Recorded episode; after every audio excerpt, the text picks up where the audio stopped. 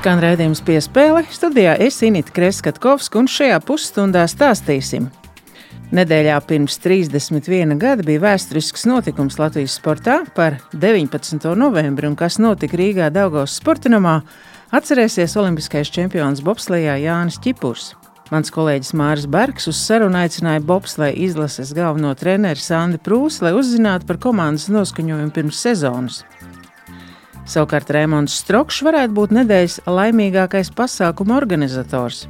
Jau zaudējis cerības, tomēr beigās izdevies saglabāt pasaules rallija krosa čempionāta posmu organizēšanu Latvijas galvaspilsētā. Arī par to raidījumā piespēli.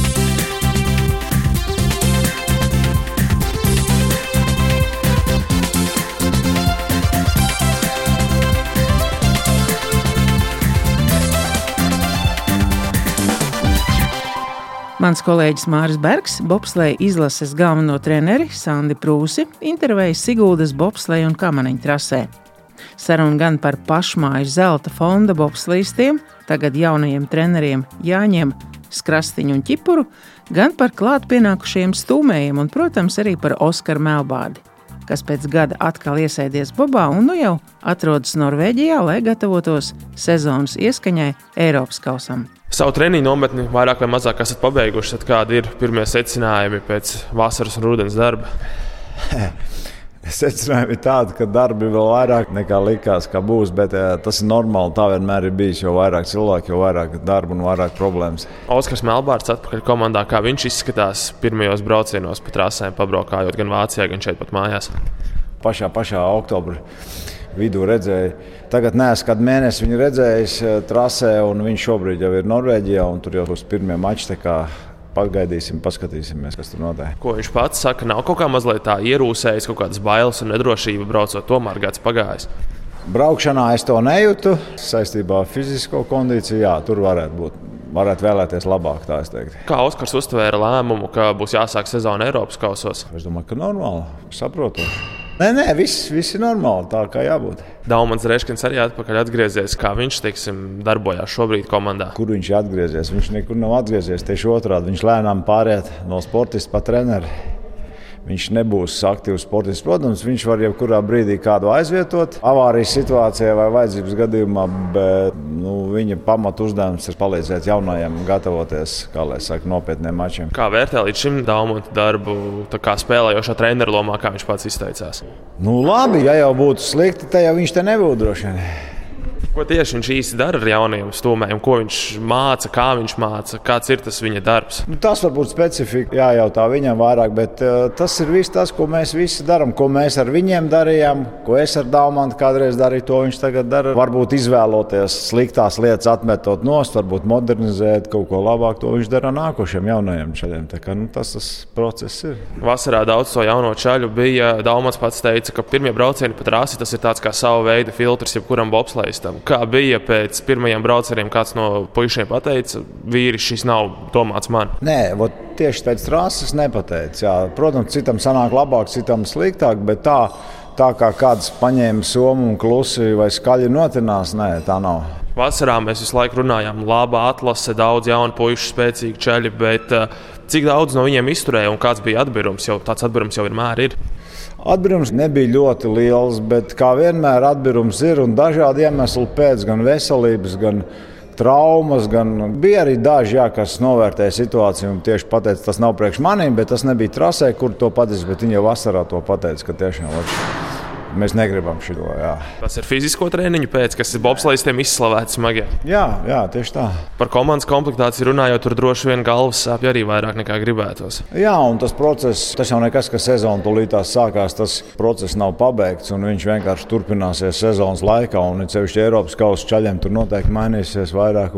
Tas, tas nav arī aktuāli šobrīd. Galvenais, lai gūstu to pieredzi un tās iemaņas visas kopā tādā ziņā viss ir ok. Uz Norvēģiju aizbraukuši 12 sportisti. Rotēsiet ekipāžas, skatīsieties, kas ar ko labāk kopā var nostartēt. Jā, jā protams. protams. Komandā esat iesaistījuši arī treneris Jānis Čipuru un Jānis Krastiņu. Kā notiek tā savstarpējā komunikācija starp treneriem? Mums diezgan jau ir nodalīts. Jānis Čipurs piemēram, strādā ar jauniešiem, kas gatavojās jaunatnes olimpiādai, kas būs janvārī Lozanā. Viņam jau mači bija, jau kvalifikācijas mači beigušies. Viņš jau nav ar šito komandu, pasaules kausa un Eiropas kausa komandu, kā es teicu, viņš ir ar to jogu saucamo komandu. Jānis Krasniņš ir šobrīd Norvēģijā ar Eiropas kausa komandu, un es esmu ar pasaules kausa komandu šobrīd. Tā arī tas, es domāju, strādās kādu laiciņu. Ķīpuru pēc jaunas olimpiādas kaut kādā lomā varat piesaistīt arī pasaules kausa vai Eiropas kausa komandā ar kaut kādu padomu, lai padalītos? Iespējams, iespējams. Jā. Par skrastiņu runājot, BTC Bobi varbūt kaut kādas detaļas dabūjat ātrāk, kaut kādu papildus informāciju par tehniku. Nē, es nedomāju, ka mums kaut kas, kad viņš nebija pie mums konkrēti komandā, es nedomāju, ka mums kaut kas lēnāk detaļas nāca lēnāk, vai, vai kaut kas tāds. Nē, nē, tā nebija problēma. Tas mazliet pārspīlēts. Tomēr tas, ka viņš ir pie komandas un viņš arī to bobu konstruktors, tas kaut kādu bonusu viņa tomēr dod, vai ne? Šobrīd es to nejūtu, bet iespējams, jā. Varbūt tās, jā. jā. Skeletonistiem izmainījušies tehniskie noteikumi. Dainis tur ir daudz un dikti stāstījis, kā ar bobslēgstiem jums kaut kas ir pamainījies ar slīdu materiālu, vēl kaut kādām niansēm. Nē, nav nekas. Izdevies spērt plašu soli uz priekšu tehnikas attīstībā, vai tomēr tas solīts ir diezgan mazs bijis? Protams, ka nav nekāds plašs solis spērts. Nē, mēs strādājam ar veco tehniku, uzlabojam, pārtaisam kaut ko, kaut ko meklējam, bet, nu, kā lai saka, lielas investīcijas nevaram atļauties, protams. Nē. Kur tad vēl varat attīstīties, ņemot vērā, ka naudas trūkums? Kur tad vēl var pielikt tieši uz to, uz zināšanu, rēķinu un uz vispārējā, kas ir pašiem? Uz spītību un neatlaidību. Pagājušajā sezonā visiem neaizsniedzams bija Friedrichs. Vācieši atkal uzbūvējuši kaut kādu brīnumu tehniku, kas viņiem skries gadus uz priekšu. Protams, ka viņam viss ir ļoti augstā līmenī. Gan tehnika, gan bobi, gan slieces. Gan viņš pats ir augstā līmenī, ekipāža augstā līmenī zinātnē, medicīna, treneri. Visi tur Vācijā viss ir ļoti augstā līmenī. Es domāju, ka viņš joprojām būs ļoti spēcīgs un viņu būs jebkuram būs izaicinājums viņu vinnēt, protams. Runāja par to, ka kādreiz bijusi iespēja pamēģināt face bobus, vācu ražotos bobus. Kāpēc nesenāca redzēt tos bobus darbībā ar Latvijas karogu krāsām? Tas jāprasa vāciešiem. Tur vienkārši bija tāds piedāvājums. Tā kad viņiem tur sākās problēmas, kaut kāds bija ieinteresēts, lai mēs pabraucam un tā, bet nu, tā tas tikai runu līmenī palika un tas viss, kā lai saka, apstājās. Bet tie Facebook bija viņiem tomēr esot, laikam kaut kas tur īpaši atrasts un cik ir dzirdēts, tie arī ir dārgāki nekā citu ražotāju bobi. Es negribu iedziļināties konkrēti varbūt tās Facebook bobos, bet ja FES rūpnīca var atļauties katru gadu, ja valsts var atļauties FES rūpnīcā katru gadu investēt no 2,5 līdz 3 miljonu eiro, tad eh, par ko mēs te runājam? Sezona sāksies Lakeplēsā, nevis kā sākotnēji bija plānots Parksitijā. Ja neskaitam viesnīcas un lidmašīnas zaudēto naudu par to, kas tur bija sarezervēts Parksitijas pusē, tas jums vispār kaut ko maina, tas, ka cita trāsa Amerikā? Jā, tas maina, tāpēc ka bija viss aplānots. Un... Un, pieņemsim, Bērziņš Rauls nebija bijis vēl nereiz tajā parksitīs trasē, un tā būtu viņam iespēja arī priekš nākotnes, kā lai saka, apgūt to trasi, bet nu, šobrīd tas izpalika. Jā. Nē, nu, tas nekas tur labs baigi nav. Pieņemsim, Mēs būsim pieraduši, aklimatizējušies, un jau jābrauc atpakaļ. Un atkal aklimatizējās Eiropā. Es tur, tur es neredzu tur neko labu, neko sliktu. Vienkārši, kā es teicu, tā ir avārijas situācija, un, un no viņas ir jāizrulē vienkārši. Skatoties uz priekšu sezonu, plānojat eksperimentēt, dažādi regulējumi, slīdes vispārējais, vai tomēr uzsvars uz rezultātu? Eksperimenti un regulējumi jau arī ir vērsti uz rezultātu. Viņi jau nav vērsti pretēji rezultātam. Tas process vienmēr ir bijis, un viņš nekad nebeigsies. Vai tomēr vairāk brauksiet ar to veco un zināmo, vai meklēsiet kaut ko jaunu un nezināmu vēl? Nav tāda konkrēta uzstādījuma. Brauksim, meklēsim vienalga, ko, lai būtu eh, iespējams sasniegt pēc iespējas labāku rezultātu. Detaļas man ir grūti pateikt šobrīd, bet varianti ir vairāk un daudz. Sezonas beigās Eiropas čempionāts Siguldā tas kaut kādu papildus spiedienu uzliek jums? Nu, protams, ka tas ir pienākums pret, pret līdzjūtējiem, pret tuviniekiem, kas te būs, bet nu, tie ir vienkārši mači kārtējā, kārtējā nedēļas nogala mājiņa, protams, patīkam, ka tā ir Sigulda, ja, ka tās ir mājas, bet uh, atkal, pieņemsim, mēs piecas nedēļas esam Eiropā, un mums speciāli dēļ tās Siguldas jābrauc atpakaļ uz šejienu nedēļu, un pēc tam atkal tajā pašā dienā pēc mačiem Siguldā jāgāž atpakaļ uz Vāciju. Ja, tā kā, tādā fiziskā ziņā tās mums ir nērtības, bet mēs to respektējam, ka tā ir Sigulda un ka tur ir mūsu, kā lai saka, fani un viss tas pārējais. Neatkarīgi ne no kā viena medaļa jau Siguldā būs, viens zelts būs mūsējiem bobslēgstiem, soču medaļas. Tas, ka būs mājās tās medaļas, tas tomēr kaut nedaudz atsvērs to visu, kas tika pazaudēts. Nu, nedomāju, nedomāju. Nu, kā tas var atsvērt? Nu, kā tas var atsvērt? Saprot, tas ir pavisam cits gads, cits gadsimts gandrīz. Vai, jo, nu, saprot, tā, ne jau tajā medaļas izskatā vai kā priekšmetam ir nozīme. Nozīme jau ir tam faktam, ka tu atnāc nogurs, aizalsies un vinnējis. Ja, un tajā brīdī tas viss notiek. Ja, tas ir pavisam savādāk ja, nekā tas pēc centiem gadiem. Tas viss notiek. Ja, tas, eh, kā lai saka, nu, nē, nē, nē, tas tāds. Eh, to tu vari pajautāt eh, varbūt pēc mačiem vai pēc tā notikuma kaut kādas beigās. Ja, bet šobrīd tās ir tāda ažiotāža vienkārši. Ja. Protams, ka nebija jau daudz variantu arī beigās, kur to izdarīt. Ja. Bet tas, jebkurā gadījumā, domāju, bija labākais variants to izdarīt te un to savu līdzjūtēju priekšā nekā kaut kur, kā lai saka, kā viens otrs tur vasarā kaut kur. Bet tie lēmumi katram ir individuāli, kur viņš grib to medaļu pasniegt. Jā. Jāmēģina virzīties tālāk. Tas nekas, ka citreiz tas ir varbūt solis atpakaļ, lai nepaklūptu atbildīgākā brīdī. Es cenšos iet uz visām spēlēm, kad man sanāk uz vīru spēlēm. Viņš teica, ah, tagad tu redzēsi īstos fanus. Viņam tiešām bija taisnība. Es redzu, atmosfēra ir lieliska šeit. Skan redzējums piespēle studijā Esinīt Kreskatkovska. Pirms 31 gada notika trīs vēsturē zīmīgi fakti. Tie satricināja padomu Latviju, neatgriezeniski ievadot tās galu, jūnijā radošo savienību plēnumam, oktobrī sekoja Latvijas Tautas frontes dibināšanas kongress, bet Latvijas sporta vēsturē 19. novembris ir iegājis kā Latvijas Olimpiskās komitejas atjaunošanas konferences norises diena. Loka prezidents Aldons Rubļevskis atzīst, ka loka darbība tika atjaunota tikai Latvijas teritorijā, tāpēc, ka tā nekad nebija likvidēta. Pat 1951. gadā, kad SOK atzina PSRS Olimpisko komiteju, netika pieņemta atsevišķa lēmuma par Latvijas, Lietuvas vai Igaunijas izslēgšanu no Olimpiskās saimnes. Tādēļ bija pamats gan prasīt, gan uzstāt, lai SOK atjauno komiteju atzīšanu Baltijas valstīs. 1989. gada 13. maijā Rīgā tiks sarīkota pirmā Olimpiskā diena. Olimpisko uguni Daugavas stadionā iededz olimpiskais čempions Jānis Čipurs. Pie brīvības pieminiekļa Rīgas centrā aktiera Harija Liepiņa teiktajā ieklausījās ar radiotranslācijas palīdzību visu piecu kontinentu latvieši. Toreiz pirms 31 gadu Daugavas sporta namā klātesošos uzrunāja Jānis Čipurs. Vai viņš pats atceras, ko toreiz teicis, par to arī iesākām sarunu. Saruna ar eh, Jānu Čipuru, kā jau es solīju, uzdošu pirmo jautājumu. Vai tu pats atceries, ar kādiem vārdiem tu uzrunāji sporta namā Loka atjaunošanas konferencē, jo grāmata ir tevi citējusi?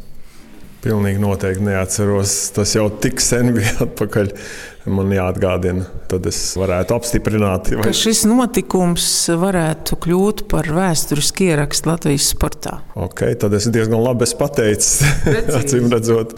Tagad par to liecina fotografijas, un uh, man savukārt ir prieks par to, ka Latvijas bobslējā tagad ir saicināt atpakaļ visi leģendārie sportisti, treneri, mehāniķi, kā jūs visi saukt, arī tagad komentētāji.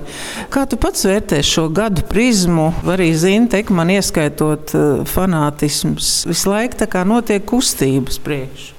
Jā, visu laiku notiek tieši tā. Es biju pagājis malā no bobslēja, nu tikai tik daudz, cik pakomentēju pa ziemu. Bet pat treneris jau vairākus gadus nestrādāju. Bet, nu, jā, šī sezonā sanāca tā, ka Nu, iepriekšējās sezonas beigās, tad, kad jaunie sportisti sāka iemēģināt uh, Siguldas trasi, sāka savas iemaņas, meistarību kaut kādā veidā iegūt, braukšanas meistarību. Man paaicināja palīgā, nu, man ar jauniešiem, ar tiem, kas tagad jaunie iesāk bobslējā, kaut kā aizķēra, kaut kā iepatikās ar viņiem strādāt. Viņi ir labi motivēti tiešām nopietni attiecas pret to, ko viņi dara. Un, uh, arī talants viņiem ir, to var just. Tā kā tad, kad man vasarā pēc tam piedāvāja pa ziemu ar jauniešiem pastrādāt, nu, es izdomāju, ka es to varētu. Ko tā pieredze, kas ir bijusi strādājot gan Francijā, gan Šveicē, gan arī Amerikā, ja es precīzi varu pateikt, šīs valsts, ko tā ir devusi arī mūsu bobsleja attīstībai? Jo es atceros, ka vēl tos laikus, kad, manuprāt, Brežņevs bija teicis, nu kā tad PSRS ir jātīst bobslejas, tāpēc ka. Nu, tāpēc, ka zaudēja Austrumvācijai Tāds bija tas viņa lēmums, ka jāattīsta sporta veids, kurš pie mums nav vispār nu, nenotiek. Līdz ar to arī bobslēgs sākās 80. gadā. Un, un tā viņš ir aizgājis. Un pie mums Latvijā viņš ir aizgājis nopietni un palicis nopietni joprojām. Tā kā vienkārši tikai jāturpina Tas jautājums bija, ka jūs katrs esat bijis izcils savā sfērā, un tagad nu, tā tāds kamols, liels veļās ar vien lielāku sniega kupenā, to savu pieredzi paņemot sevī. Es domāju, ka bobslēgs nav izņēmums dzīvē. Visās lietās notiek kaut kāda viļņveidīga kustība. Ir brīži, kad aiziet labāk, brīži, kad atslābums vai kaut kāda pauzīte vai vai tāds tukšums, tukšāks periods. Nu, izskatās, ka šis brīdis eh, Latvijas bobslēgā ir atkal tāds kāpuma brīdis. Ir eh, savākušies spēcīgi sportisti, ir noklāpējušās eh, spēcīgas komandas gan pasaules kausam, gan Eiropas kausam, un arī jaunieši ir nopietna attieksme pieteikušies bobslejā un mēģina, mēģina uzsākt savu karjeru šajā sporta veidā. Nu, mans uzdevums ir tieši ar pašiem jaunākiem, 15 gadīgajiem strādāt. Šajā ziemā gaidāms janvārī jauniešu olimpiskās spēles, ja pareizi es viņas nosaucu.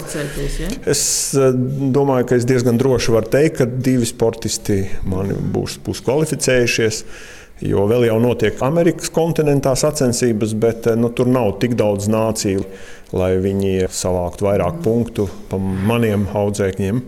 Man gribētos teikt, ka februārī, tad, kad būs Siguldā Eiropas čempionāts un mūsu bobslēgs saņems beidzot zelta medaļas, lai gan treneris Prūsis teica, nu, ka tas emocijas tādas vairs nekad nebūs, bet manuprāt, tā ir tā lieliskā iespēja sapulcināt visus tos, ieskaitot Kisielu Vefu cilvēkus, kas bija pionieru statusā, ja tā drīkst teikt, jo daudz ir dzīvi un daudz ir tieši piedalījušies pie šo zelta medaļu tapšanas.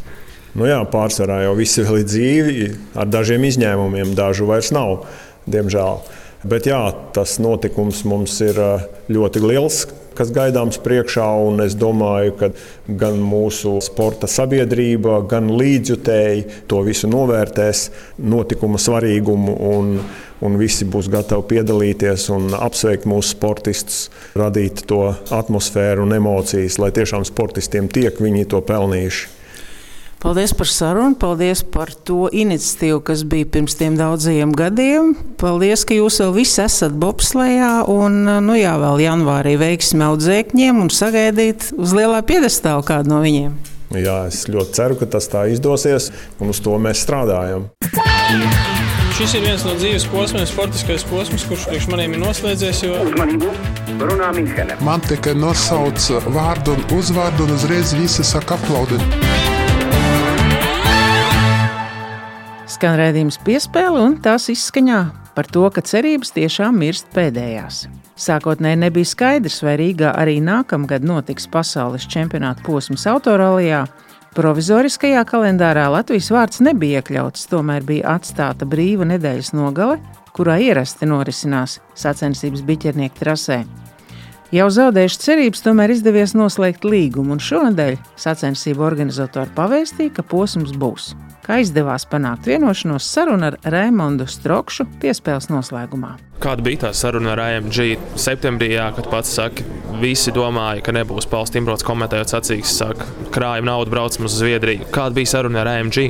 Tāda viņa arī bija. Viņa man sacensība, protams, ka mēs visi vēl ticējām, cerējām, ka varbūt sacensību laikā kaut kas samainīsies, atnāks kāds kaut ko gribēs izglābt. Un mums bija saruna pie viņa oficiālā, un es viņiem teicu, ka, es teicu, puiši, man nav jums ko pateikt. Es dodu vienu procentu iespēju, ka kaut kas varētu mainīties. Viņi gāja tālāk, viņi jau bija atraduši mūsu aizvietotāju, un jau mūsu vieta bija aizpildīta. Jo no skaidrs, ka viņi nevar atbraukt šeit, ja mēs nespējam par to samaksāt. Un tad, kad man pēc šīs veiksmīgās sarunas ar Rīgas mēru, es burtiski uzreiz viņiem piezvanīju, izējot ārā. Viņi bija ļoti priecīgi, ka es nāku ar šo ziņu, jo tas, ko arī Deivids šodien teica, tas bija liels zaudējums čempionātam, apziņa, ka mēs tur nebūtu. Kurā brīdī tu aizgāji pie Rīgas mēra un kad šī saruna sākās? Es precīzi datumu nepateikšu, bet tās bija, manuprāt, septembra beigas, kad mēs pirmo reizi tikāmies ar Rīgas mēru. Tad bija intensīvs sarunu rauns, vairākas nedēļas, un, nu, kā tu redzi, tad mēs parakstīsim līgumu. Tas ir ļoti, ļoti vēlu. Runājot par naudām, visi zinājām, ka licences maksa ir liela. Tātad Rīgas doma sēž šo licences maksu pilnā apjomā, vai tur ir arī privāto sponsoru nauda? Situācija šogad ir sarežģītāka un savādāka, jo tikai skaidrs, ka Rīgas doma nevarētu nomaksāt tādu apjomu naudas. Un, tas sarunu rauns jau arī bija par to, kā mēs pārdalījām, kurš ko darīs, kurš par ko atbildēs un kurš par kurām izmaksām parūpēsies. Līdz ar to jā, uz mums, kā organizatoriem, šobrīd ir nesalīdzināmāk lielāks spiediens, kā tas bija pirms tam. Bet es gribu par to pacīnīties. Es riskēšu, iešu uz priekšu un darīšu to. Es saskatu ļoti daudz iegūmus no šī posma norises Rīgā, un tas būtu muļķīgi, ja to nedarītu.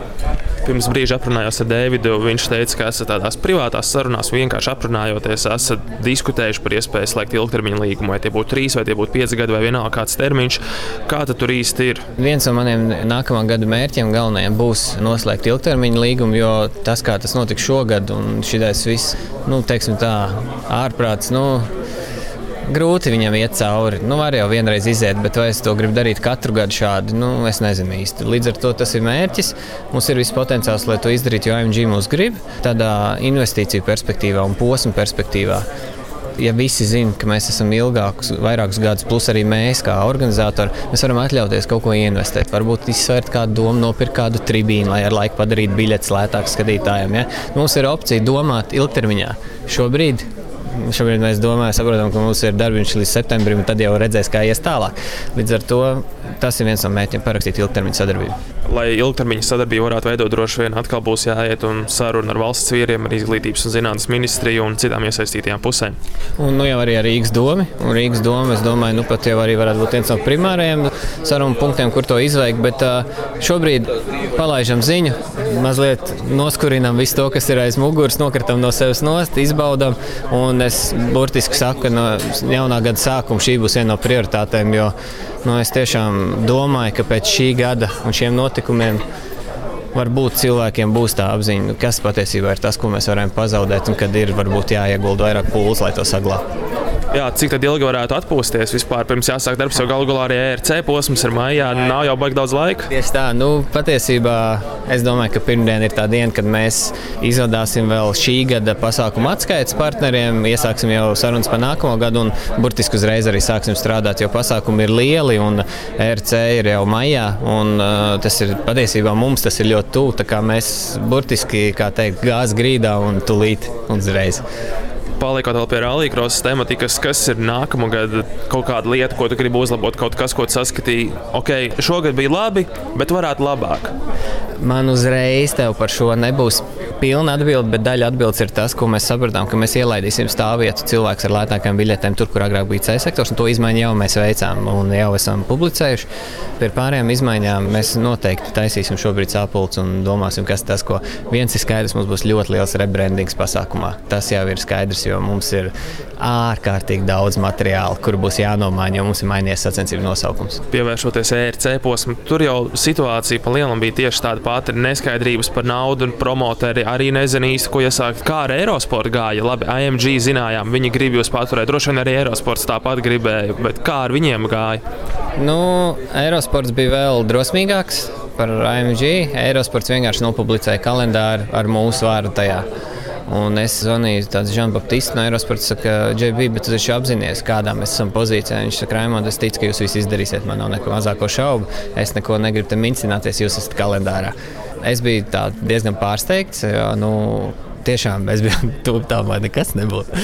Un ko darīt tajā brīdī, ja būtu sliktās ziņas. Bet arī šeit, paldies Dievam, viss sakrit, brīnum notiek, un, un mums ir arī Eiropas posms. Bet viņi, jā, viņi nopublicēja kalendāru ar zvaigznīti, gan ka mums vēl jāsakārto līguma detaļas, bet nopublicēja uzreiz ar pilnu mūsu vārdu kā gāja sarunas ar valsts vīriem, kādas bija rallija un uh, rallijiem sarunas ar valsts vīriem? Cik saprotoši viņi bija par šo jautājumu?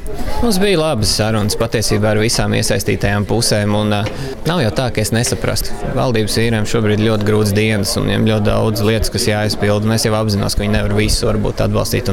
Varbūt šis risinājums priekš nākamā gada varbūt pat ir savā ziņā ekscelents. Vienu pasākumu atbalsta valsts, otru atbalsta pilsētu, kurā notiek.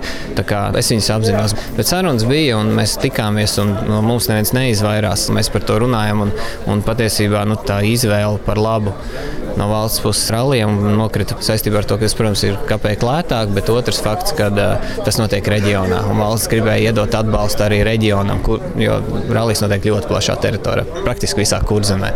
Līdz ar to tas bija galvenais aspekts. Rallycrossam mēs zinām, ir pētījumi, cik daudz šis pasākums ienes valsts budžetā. Kā ir ar ralliju vai par ralliju ir šādi pētījumi, cik tas daudz ienes liepājas pusē un tagad arī šajā gadā talsiem? Jā, mēs katru gadu veicam par katru pasākumu pētījumu saistībā ar to, ka mums to uzdod arī valdība kā uzdevumu. Rallijā jāpiezīmē ir viena ļoti būtiska atšķirība. Ja rallija man ir divas ieejas, un es varu nointervēt katru cilvēku sienā, tad rallijas man notiek teritorijā ar 150 km rādījus, kas nozīmē, ka nu, man fiziski ir ārkārtīgi grūti noķert tos cilvēkus un viņiem uzprasīt to jautājumu. Līdz ar to es pieļauju domu, ka faktiskais pētījuma cipars būtu labāks nekā viņš ir pētījumā, jo mēs vienkārši tiktu klāt katram cilvēkam, mēs vienkārši netiekam. Un mēs tur neko neblefojam un neliekam klāt, nemānam cilvēkus. Līdz ar to es no galvas es ciparu precīzi neatceros, bet nedaudz virs miljonu ienāk reģionā par no šī pasākuma šajā gadā sākāt šo sistēmu, ka pirmā diena talsos, nākamā gada liepājā. Zināms, ka tas tā arī paliek, bet vai būs kādas izmaiņas rallija maršrutā, kā tas notiks? Varbūt mainīsiet uz otru pusi šogad, sāksiet liepājā un beigsiet talsos. Nē, lielais plāns paliks tāds pats. Mainīsies eh, mazliet varbūt ātrumposms un izkārtojums un secība un tādas lietas. Bet... Jāsaka, tā pagājušajā gadā šis plāns, tad, kad mēs viņu izziņojām, es baigi neslēpu arī teicu, gan publiski, gan FIA, gan Eiropas, ka viņš ir drosmīgs, dūls plāns jo nu, ļoti plašā teritorijā. Bet pēc sacensībām ar visiem pārunājot, mēs noķēram to feeling, cik ļoti visiem tas īstenībā ir paticis. Ceļu ziņā, piedzīvojumu ziņā, un šim rallijam nekad nav jābūt vieglam. Viņš ir Eiropas čempionāts, skaidrs, ka viņš būs sportistiem grūts ar garām stundām un ar iepazīšanos vispār. Viņam nav jābūt vieglam. Tāda ir dzīve un tāds ir sports. Bet uh, tas rezultāts no tā dūluma izauga ļoti labs. Līdz ar to mēs noteikti turpināsim to un uh, brauksim no tālsiem līdz liepājai. Kas tagad ir tas galvenais izaicinājums līdz liepājai? Māja beigās sacensības jau tur pusgads vēl, kas ir jāizdara tur.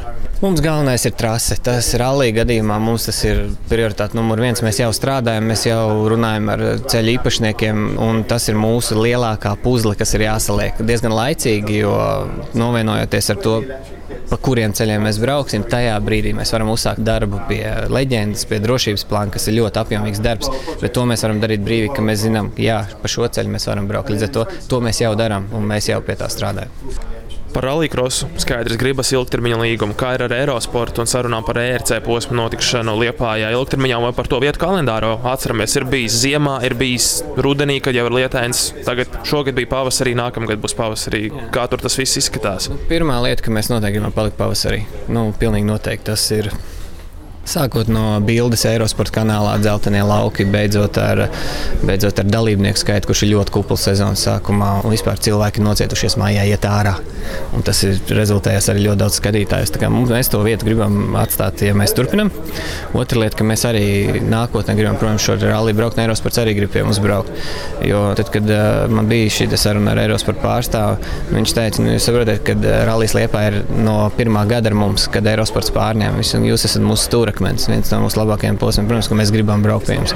Līdz ar to tā puse visi ir interesēta. Un, un es ceru, ka šobrīd eh, jaunai valdībai ir atbalstot šo pasākumu, ka tas ir nu, signāls uz ilgtermiņu, jo nu, mēs jau visu izdarām, pētījumus izdarām, visas lietas parādām. Kā, nu, tur ir daudz ieguvumu, un es ļoti ceru, ka mēs spēsim šo darbu turpināt. Izskan raidījums piespēle, to sagatavoja Esinīta Kreskatkovska, Māris Bergs un skaņa operātore Nora Mītspa. Uz sadzirdēšanos pēc nedēļas.